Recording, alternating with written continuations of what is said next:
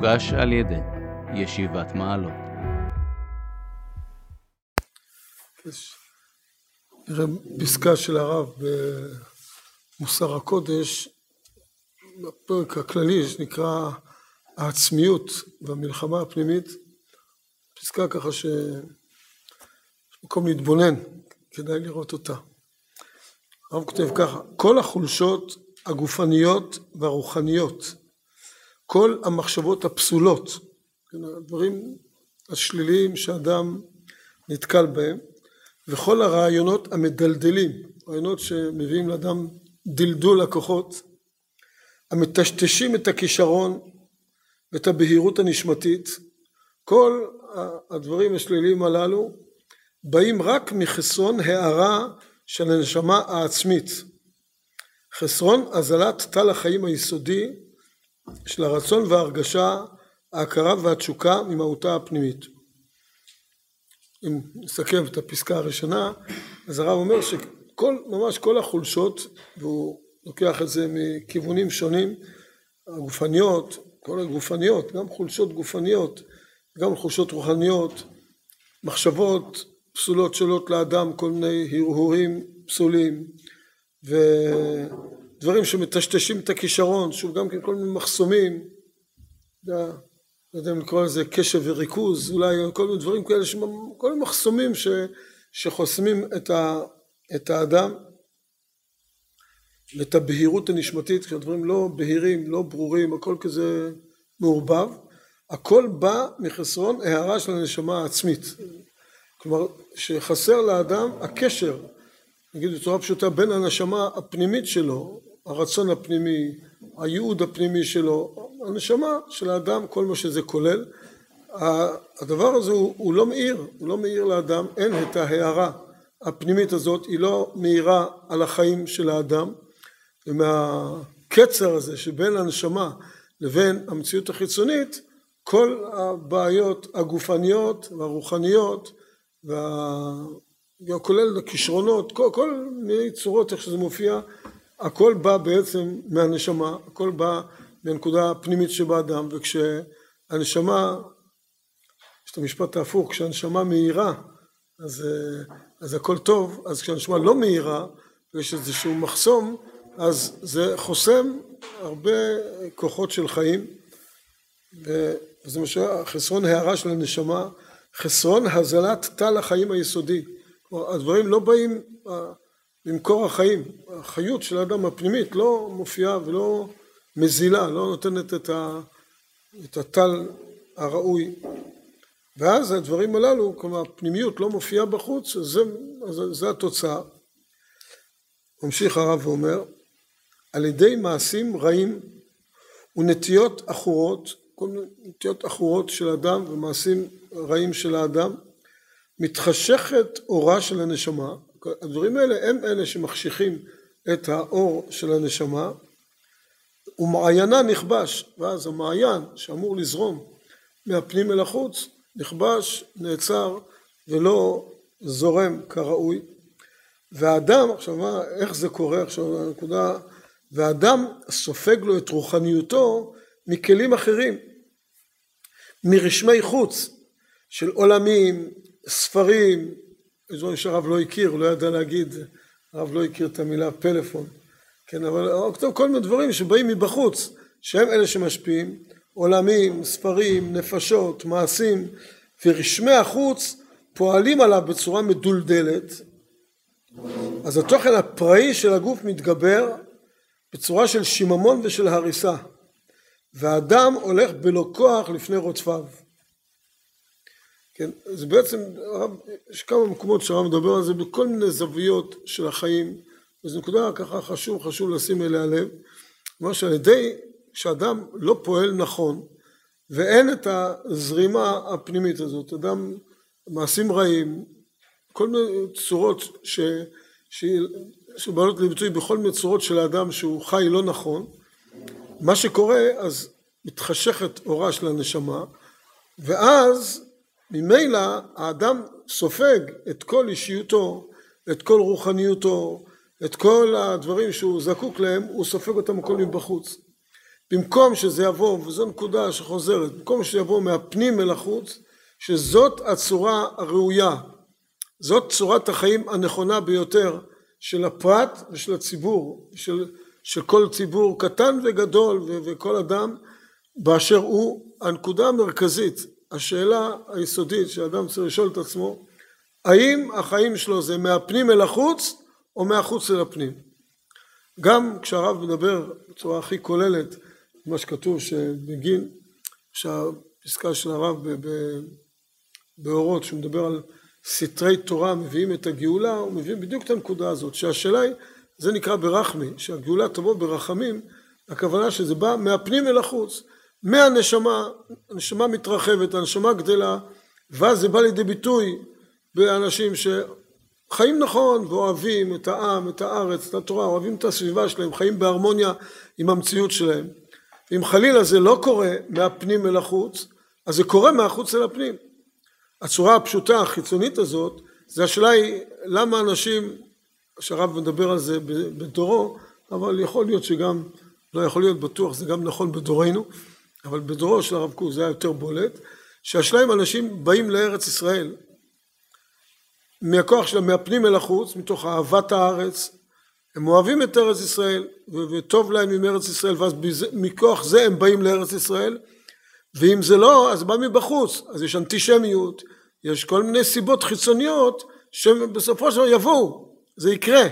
השאלה אם זה יקרה מהפנים אל החוץ וזה נקרא ברחמים או שזה יקרה מהחוץ אל הפנים וזה נקרא מידת הדין. זה נקרא בצורה גרועה בצורה לא נעימה לא טובה בצורה שלילית שזה בא מהחוץ אל הפנים. אז בדיוק אותו דבר זה חוזר פעמים רבות גם בנקודה הזאת יש את הצורה העצמית של האדם הצורה היותר נכונה והיא כשהדברים באים מהפנים אל החוץ הנשמה מהירה ואדם נותן לנשמה ביטוי נותן לה להאיר נותן לה והוא מקשיב לקול הפנימי שלו לנשמה ופועל את הדברים מתוך הקשבה פנימית כזאת. הוא מרגיש שהוא עושה את הדברים תוך התבוננות כי באמת זה מה שמתאים לו זה מה שראוי לו. זה מהפנים אל החוץ זה מה שהכי מתאים לנפשו לנשמתו לרוחו. זה הדבר שאני צריך לעשות. ואם אדם לא פועל בצורה כזאת ולא מהפנים אל החוץ אז אז זה עובד מהחוץ אל הפנים ואז כל מיני דברים חיצוניים גורמים לו להחליט את ההחלטות, לעשות את המעשים, לחשוב את המחשבות, כמו שאומר, כל החולשות הגופניות, הרוחניות, הכל בא כיוון שזה לא, לא נביאה פנימית, אלא דברים שבאים מבחוץ, מכל מיני כוחות חיצוניים שאדם מקשיב להם, במקום להקשיב לעצמו, הוא מקשיב לכל מיני דברים חיצוניים, והם אלה שמשפיעים עליו. כן, ואז אז התוכן הפראי של הגוף מתגבר, כלומר זה נותן לגוף, כשזה בא מבחוץ, אז, אז זה לא משהו עדין, נשמתי, רוחני, שהוא בעדינות, אלא סוג של תוכן פראי, ואדם הולך בלא כוח לפני רודפיו, עבד, איבד אז את היסוד, הצינור המשפיע לעצמיותו, ממקור החיים המיוחד לו. אז האדם מאבד בעצם את הצינור הפנימי הזה, שהוא הנקודה המיוחדת שלו, את הפסוק שלו, את האותיות של שמו, שבתורה כתוב 600 אותיות, 600 ריבו ישראל, 600 ריבו אותיות לתורה, את שמו, את האות שלו בתורה, ודמיון הבשר הולך ומרעיש, חובט בו בכל שוטי הברזל, כן?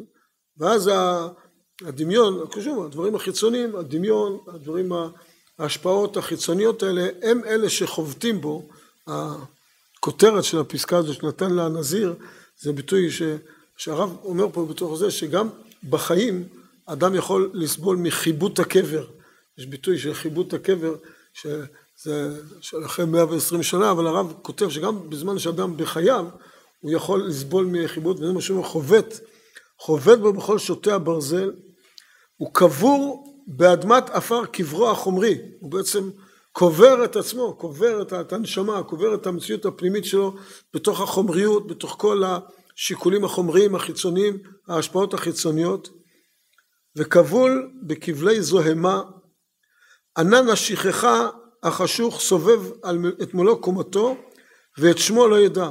יש ספרים אשלה, מביא את זה, אתם כולם מכירים בסידורים, לא יודע, יש בסידורים כל אחד ש... פסוקים של שמות של כל אחד ואחד. כל אדם לפי השם שלו יש פסוקים שמתחיל באות הראשונה ומסתיים באות האחרונה של השם שלו או שהשם שלו עצמו מופיע בפסוק. כל מיני צורות, פסוקים של שמות אנשים. בהרבה סידורים תקראו כתוב שם בשם השלה הקדוש שאחרי שאדם אחרי מאה ועשרים הוא מגיע לשמיים שואלים אותו מה השם שלך והסגולה שאדם יזכור מה השם שלו שיגיד את הפסוק הזה הרב אומר פה סגולה אחרת שאדם פשוט יחיה את השם שלו. זה, זה לא סגולה זה הדבר שצריך לעשות אותו. כשאדם לא עושה את זה אז זה סגולה שיגיד את הפסוקים האלה אז הוא יזכור את השם. וגם הפסוק הזה זה בעצם מה שהרב קורא לזה הפסוק של שמו.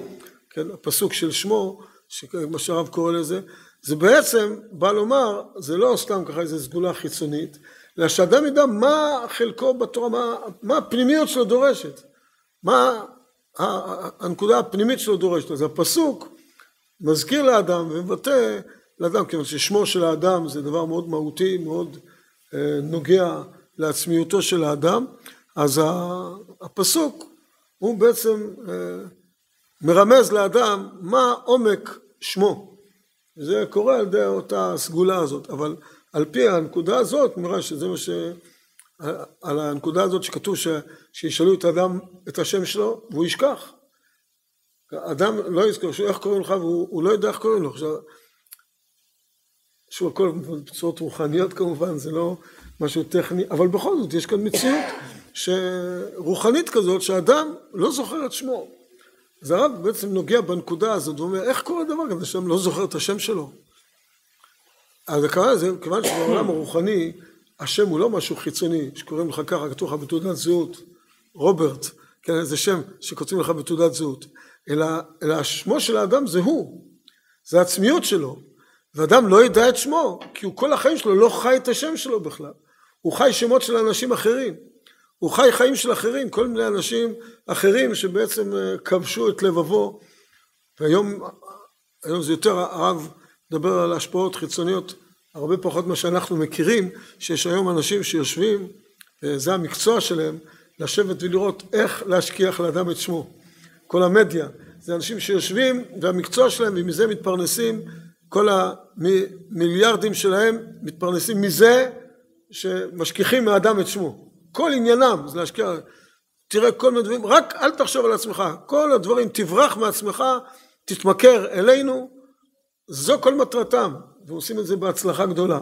כלומר ורבים מתוכנו כצאן לטבח הולכים אחרי הדברים האלה ולא יודעים את השם של עצמם. לא, בכלל לא דנים בזה לא מגיעים לחשוב על זה מה אני רוצה לא מה הבוסים של המנהלים של הרשתות החברתיות רוצים אלא מה אני רוצה מה אני רוצה מעצמי. ואז ממילא צורת החיים צורת ההשפעה צורת החשיבה תהיה שונה לגמרי כשאדם באמת יחשוב מה הנשמה שלי צריכה? מה אני צריך? מה השם שלי? מה הפסוק שלי? מה השליחות שלי בעולם? ש, ש, שזה יבוא מהפנים ולא השפעות חיצוניות מכל מיני אה, סוגים ומינים שונים. אז זה מה שהרב מביא את שמו לא ידע. ואז הרב קורא לזה חיבוט הקבר זה עם כל בהלותיו ישנו בכל עת וזמן. זה נמצא אותו חיבוט אותו חבטה אה, שאדם מקבל חובט בו בכל שוטי הברזל כפי שהוא קורא לזה היא קיימת בכל עת ובכל זמן בין בפרטיותו של כל אחד בין בפרטיות של כל אחד ואחד צריך לעשות את חשבון נפשו בנקודה הזאת לראות מה אני עם עצמי לעשות חשבון הנפש האם אני חי את עצמי השיקולים שלי הם שיקולים של עצמי אופ, אופי החיים שלי התנהלות שלי זה לפי עצמי או לפי רצונות של אחרים וזה לא משנה אחרים האחרים האלה יכולים להיות גם רבנים. זה, זה לא משנה בדרך כלל רוב אלה שחיים חיים אחרים חיים דברים תרבותיים אבל זה לא, זה, זה לא מתחיל מזה לא מתחיל ממי אתה שואל. לרצות קודם כל את עצמך את, את הרצון שלך מה אתה רוצה מעצמך או מה הנשמה שלך רוצה ממך מה הקדוש ברוך הוא רוצה ממך. שזאת השאלה שאדם ישאל ועל פיה הוא יבנה את סדר יומו ואת סדר חייו ואת השאיפות שלו את החזון שלו את כל הדברים שלו אז גם פרטיותו של כל אחד ואחד וגם בין בפרטיותו בין בכללות האומה גם בכללות האומה זה לא רק באדם הפרטי, אני אומר, זה גם ציבורים שונים וגם כללות האומה. כל עם ישראל, שאלה גדולה, האם הוא חי את החיים שלו או שהוא חי חיים אחרים. הרב מביא את הפסוק, אכתוב לו רובי תורתי כמו זר נחשבו.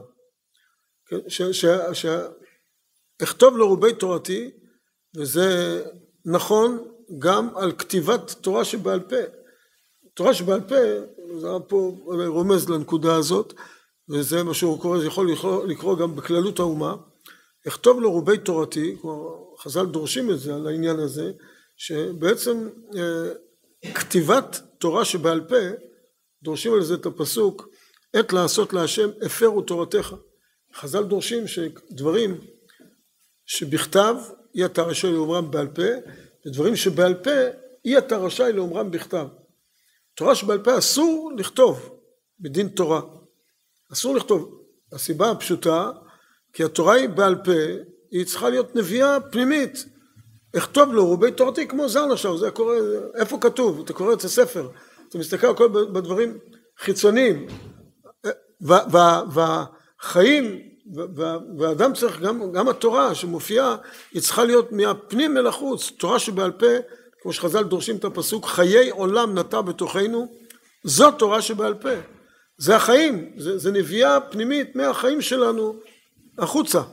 זה בעצם עומק המושג תורה שבעל פה, וגם מחיי האומה גדולי ישראל. ולכן יש הלכה פסוקה שדברים שבעל פה אי אתה רשאי לומרם בכתב, כי ברגע שזה כתוב זה כבר לא אתה, זה, זה כבר נמצא על המדף, זה כבר ספר אי שם, וזה לא אתה, זה לא נובע ממך.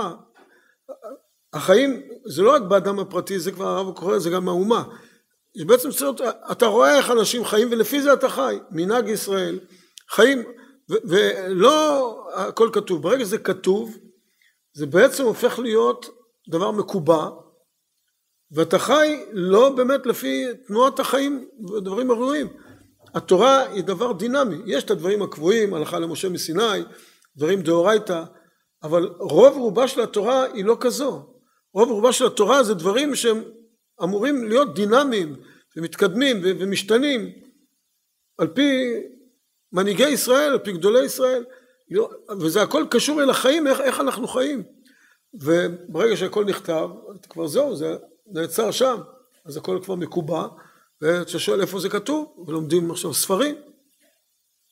אז חז"ל דורשים עת לעשות להשם, הפרו תורתך, זה הפרת תורה, אבל לא הייתה ברירה, היה שכחה גדולה של התורה, אותה שכחה שהרב מדבר עליה, שוכחים את התורה, והשכחה הזאת היא כבר עצמה, היא עצמה כבר הצורה הבעייתית, הזרות הזאת, וזה בא לידי ביטוי אחר כך שחייבים לכתוב את הדברים, ואז אתה בעצם שוב חי דברים אחרים, ולא הנביאה שלך, אלא אתה קורא הכל מבחוץ.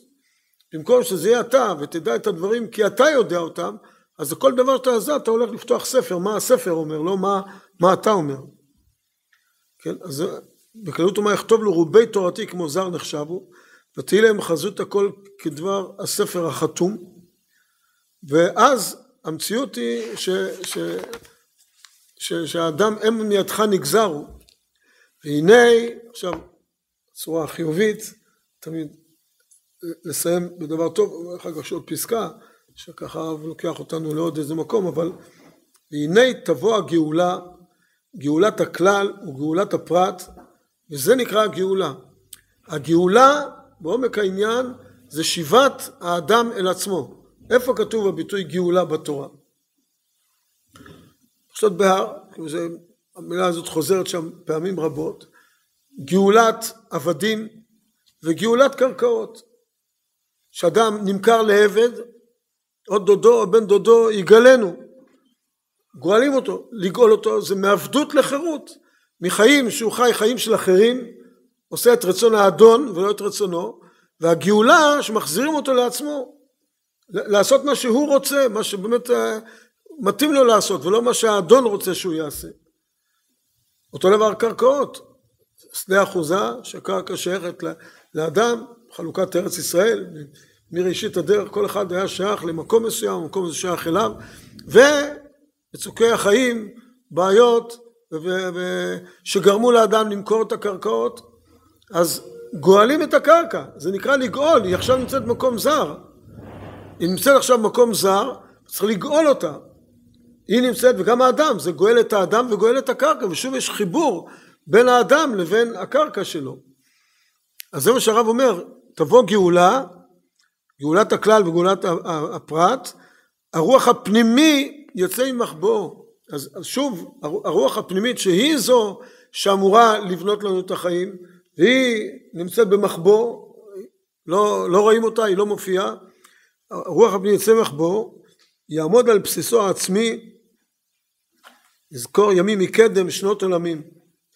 זה הגאולה היא בעצם הגאולה גם הגאולה שאנחנו מצפים לה זה שיבת הפרט והכלל לעצמם. זה החיים בצורה של חירות שאנחנו באמת יכולים לעשות את מה שהרוח הפנימית שלנו דורשת. עם ישראל זה, זה בעצם עצמאות זה קוממיות של עם ישראל בארצו. זו באמת העצמאות האמיתית של עם ישראל העצמאות זה פירושו שאנחנו יכולים לעשות באמת לחיות את אמונתנו. העצמאות היא לא שיכולים לעשות סתם מה שרוצים ואז עכשיו אנחנו עושים כל מיני רצונות של אחרים. אלא העצמאות האמיתית היא שרוחנו הפנימית היא זו שבאה לידי ביטוי בפרט ובכלל. וזה זה המציאות הגדולה של העצמאות, כן. היום הכל כבר כתוב, איך אנחנו חוזרים לשיבה זה לא מדויק, זה נושא בפני עצמו, לא לגמרי מדויק שהכל כתוב, יש הרבה דברים הייתי אומר כמעט, לא יודע להגיד רוב או לא רוב, אבל הרבה דברים הם משתנים. יש בספר של המערץ חיות, דרכי ההוראה, יש לו אה, מאמר שלם שבו הוא מראה הלכות מפורשות בשולחן ערוך שאנחנו לא מקיימים אותן. והכפתור ופרח עושה את זה עם הגמרא. הכפתור ופרח מביא בשער החמישי בספר כפתור ופרח, זה כבר מהראשונים, כן, ש, ש, והוא מביא דברים שמפורשים בגמרא, דינא דגמרא, שאנחנו בפועל לא מקיימים אותם. דינים מפורשים בגמרא שאנחנו לא מקיימים. ו, ואם נתבונן בחיים אז, אז יש תהליכים. נכון, בגלל שזה כתוב, אז התהליכים הרבה יותר איטיים, כי הרבה יותר קשה אה, כתובים להשתנות, אבל יש תהליכים שמשתנים, ועובדה, נכון, זה היה קשה קשה, זה עדיין קשה, אבל הנה עם ישראל למשל חזר לארץ. זה שינוי דרמטי. זה, זה, זה לא היה פשוט, כי כל דור חי את הדור הקודם, והאדמו"ר הקודם לא עלה לארץ, אז גם האדמו"ר הזה לא עולה לארץ. כי כל אחד חי את, ה, את האדמו"ר הקודם שלו, וכך אנשים, כל אחד את הרב שלו, ואת ה, ו, ובעצם לא היה חיים פנימיים, לא הייתה זרימה, הגיע דור, שהגיע הזמן שעם ישראל עכשיו ההתעוררות הפנימית הזאת, הנשמה דורשת את השיבה לארץ, אנשים לא מקשיבים לנשמה שלהם, כי רואים בספרים, רואים את הצורות החיצוניות, ואז, אבל הנה אנחנו רואים בסוף זה קרה, זה קרה בצורה קשה, זה קרה בצורה כזאת שבאמת אה, דווקא אנשים שלא שומרי תורה הם אלה ש, שהקשיבו לקול הפנימי הזה אה, של הזמן, וזה מה שמקשה עלינו עד היום, את המציאות ש, שהכפירה היא זו שבנתה פה את, ה, את הארץ, אבל, אבל זה, זה, זה גאולה וזה לאט לאט יחזור, לצערנו צריך לעבור מלחמות, דברים כאלה, כדי לחזור לזהות ולעצמנו, אבל בסוף זה, זה יגיע, הגאולה תגיע, והגאולה עניינה שבאמת אנחנו נעשה את הדברים בנביאה פנימית. אבל בגלל שכתבו, זה לכן קוראים לזה עת לעשות לה, שהם הפרו תורתך. זה הפרת תורה לכתוב את התורה, כי זה מאוד מקשה על השינויים שצריכים להתרחש. אבל יש שינויים ומתרחשים, אבל זה קורה לאט לאט.